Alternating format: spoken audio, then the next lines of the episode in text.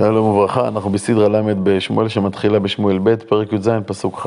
בסדרה הקודמת ראינו כיצד אבשלום דחה את עצת אחיתופל לנצל את המומנטום ולתקוף עוד באותו לילה את דוד, וקיבל את עצת חושי להמתין ולאסוף את כל ישראל למלחמה על דוד. חושי עשה זאת על מנת לאפשר לדוד להתארגן, ושלח שליחים להודיע לדוד. עבדי אבשלום חיפשו, חיפשו את השליחים לדוד בבית, בבית בבחורים, ששם השליחים התחבאו בבאר המים. עבדי אבשלום פנו לבעלת הבית שבו אה, התחבאו אה, שני הנערים. ויבואו עבדי אבשלום אל האישה הביתה ויאמרו, איה אחימץ ויונתן, שהיו השליחים לדוד.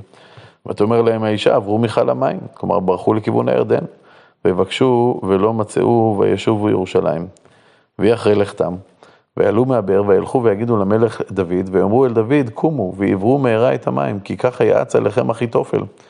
ויקום דוד וכל עם אשר איתו, ויעברו את הירדן לדור הבוקר, עד אחד לא נעדר אשר לא עבר את הירדן. כלומר, דוד מצליח לעבור במהירות את הירדן לעבר הירדן המזרחי, שזה מקום יותר בטוח מבחינתו. ואחיתופל בחוכמתו ידע שהצעת חושי תוביל לתבוסת אבשלום. הוא מבין שהוא, כמי שיעץ לאבשלום לשכב עם פלגשי דוד לעיני כל ישראל, לא ינקה. ולכן הוא הולך לביתו ומתאבד. ואחיתופל ראה כי לא נעשתה, לא נעשתה עצתו, ויחבוש את החמור, ויקום וילך אל ביתו אל עירו, ויצב אל ביתו, הוא השאיר צוואה, ויחנק, כנראה הוא התאבד בתלייה, וימות, ויקבר בקבר אביו. ודוד בא מחניימה. מחניים שבעבר הירדן המזרחית היא העיר שבה אה, בושת, בן אה, שאול, אה, קבע את, את בירתו. וכעת דוד קובע בה את משכנו, כנראה שהיו לו שם הרבה נאמנים.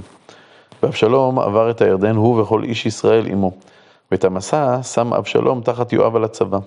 והמסע בין איש ושמו יתרה ישראלי, אשר בא אל אביגיל בת נחש אחות צרוריה, אם יואב.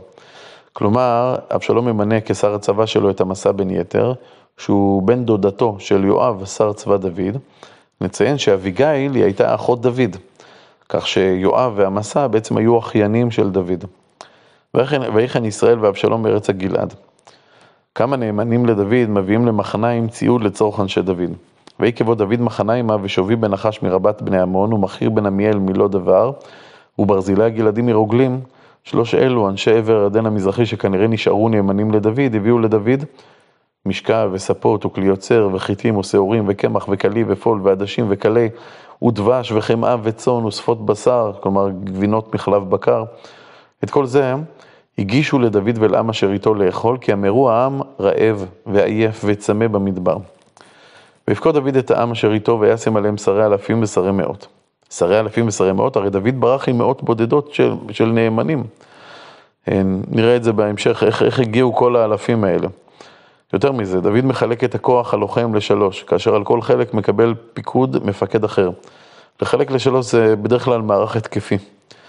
וישלח דוד את העם השלישית ביד יואב, והשלישית ביד אבישי בן צוריה אחי יואב, והשלישית ביד איתי הגיתי. ויאמר המלך אל העם, יצאו, אצא גם אני עמכם, גם אני רוצה לצאת לקרב איתכם, אבל העם מתנגד לכך. ויאמר העם, לא תצא, כי אם נוס ננוס לא ישימו אלינו לב, ואם מתו חציינו לא ישימו אלינו לב. כי אתה כמונו עשר כעשרת אלפים. כלומר, אם חלק מאיתנו יובס, או אף אם יהרגו מחצית מאיתנו בקרב, זה לא יפריע לשאר הצבא להמשיך ולהילחם, מה שאין כן, אם חס ושלום המלך ייהרג. ולכן, ואתה טוב כי תהיה לנו מעיר לעזור. כלומר, עדיף שתישאר בעיר מאשר תצא לעזור לנו בקרב. ויאמר אליהם המלך אשר ייטב בעיניכם אעשה. עכשיו, מכל הדו-שיח הזה, משמע שבצבא דוד היו עשרים אלף לוחמים, מהיכן הם הגיעו? כנראה ששבטי מזרח הירדן אה, היו נאמנים לדוד, וכנראה שגם הרבה לוחמים משבטי מערב הירדן הגיעו להצטרף לדוד. אולי במיוחד כאשר ראו את אבשלום שוכב עם פלגשי אביו בירושלים, הם הבינו עם מי יש להם עסק, ועברו את הירדן והצטרפו לדוד. ויעמוד המלך על יד השער, וכל העם יצאו למאות ולאלפים. ויצב המלך את יואב ואת אבישי ואת איתי לאמור, לאט לי לנער לאבשלום. כלומר, תהיו עדינים, אל תפגעו בנער אבשלום. דוד קורא לאבשלום אה, בנו נער, דרך חיבה. הוא נוהג מנהגי אה, נערות, אפשר אה, לסלוח לו. נראה שדוד, כאשר הוא רואה את הלוחמים שלו, ברור לו שהם הולכים לנצח. כל החששות שלו נוגעים בשרידותו של אבשלום. וכל העם שמעו בצוות המלך את כל השרים על, דבר אבשלום, זו הייתה פקודה פומבית. ויצא עם השדה לקראת ישראל ותהי המלחמה ביער אפרים. מלחמה בתוך יער מקטינה את יתרון הגודל הצבא שיש לאבשלום. הצבא לא יכול לנוע באופן מסודר, וצבא ישראל מובס בקרב. וינקפו שם עם ישראל לפני עבדי דוד, ותהי שם מגפה גדולה ביום ההוא עשרים א'. ותהי שם מלחמה נפוצת על פני כל הארץ, כלומר כל המערכים הצבאיים נפרצו, והקרבות היו קרבות של פנים אל פנים בכל המרחב. וירב היער לאכול, היער לאכול בעם מאשר החלה החרב ביום ההוא. בתוך היער היו קרבות של לוחמים, היו חיות רעות שפגעו בלוחמים שניסו לשרוד בתוך היער, היו פציעות שנבעו מהסבך. רבים מאלה שמתו ביער לא מתו מחרב אלא מפגעי היער. והנה באופן מקרי, כלומר בסייעתא דשמיא, כמה מלוחמי דוד גילו את אבשלום, ויקרא אבשלום לפני עבדי דוד. וכעת מסבירים לנו באיזה מצב הם גילו את אבשלום. ואבשלום רוכב על הפרד, ויבוא הפרד תחת סובך האלה הגדולה, ויחזק ראשו באלה, ויותן בין השמיים ובין הארץ, והפרד אשר תחתיו עבר. כלומר, שערותיו הארוכות של אבשלום נתפסו בענפיו של עץ אלה, בזמן שהוא רכב על פרדה ביער. אבשלום נשאר תלוי בשערותיו על העץ, בזמן שהפרדה עליה הוא רכב המשיכה מתחתיו. בעבר הסברנו שפרדות היו בהמות מסע של אנשי מלוכה.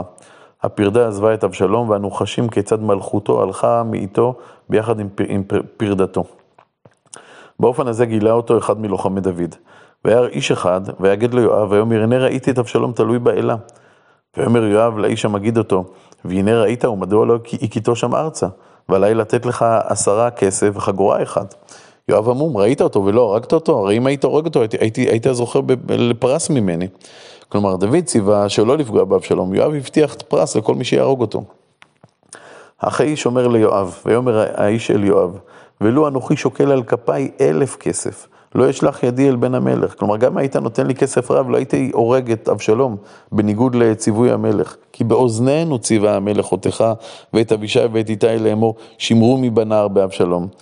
וגם אם הייתי מתעלם מציווי המלך, הרי המלך היה מגלה זאת. או עשיתי בנפשי שקר, וכל דבר לא ייכחד מן המלך. ואתה תתייצב מנגד, כלומר, לא הייתי מקבל ממך גב אה, כנגד ציווי המלך. ואמר יואב, לא כן אוכילה לפניך. אני לא מצפה שאתה תהרוג את יואב, הוא לוקח שלושה סכינים בעצמו, ויקח שלושה שבטים בכפו, ויתקיים בלב אבשלום, עודנו חי בלב האלה. עכשיו, אה, יואב פוצע את אבשלום, אבל לא הורג אותו, אולי כדי לא לעבור על מצוות דוד. ומיד הצטרפו ליואב אה, אחרים, ויסבו עשרה נערים נושאי כלי יואב, ויכו את אבשלום וימיתוהו. יואב תוקע בשופר להפסקת הקרב, ויתקע יואב בשופר, וישוב העם ירדוף אחרי ישראל, כי חסך יואב את העם. יואב רוצה להפסיק את ההרג. ויקחו את אבשלום והשליכו אותו ביער אל הפחת הגדול.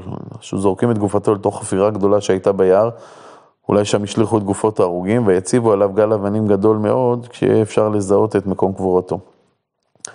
שני ידיים או שני גלים הוקמו לזכרו של אה, אבשלום, אחד בחייו על ידו כי ידע שאין לו בנים, והשנייה הגל על גופתו ביער נידח, וכל ישראל נסו לאיש לאוהלו, ואבשלום לקח ויצב לו בחייו את מצבת אשר בעמק המלך, כי אמר אין, אין לי בן בעבור אזכיר שמי. ויקרא למצבת על שמו ויקרא לה יד אבשלום עד היום הזה. ראינו בסדרות הקודמות שלאבשלום נולדו שלושה בנים ובת, לביתו הוא קרא תמר, שמם של הבנים לא נזכר. וכאן מובן גם הטעם לכך, הם נפטרו בילדותם. נמשיך. ואחימץ בן צדוק אמר, רוצה ואבשרה את המלך כי שפטו אדוני מיד אויביו. אחימץ יודע כי צריך להודיע למלך באופן עדין, שהרי דוד הודיע חששו ממות בנו באופן פומבי.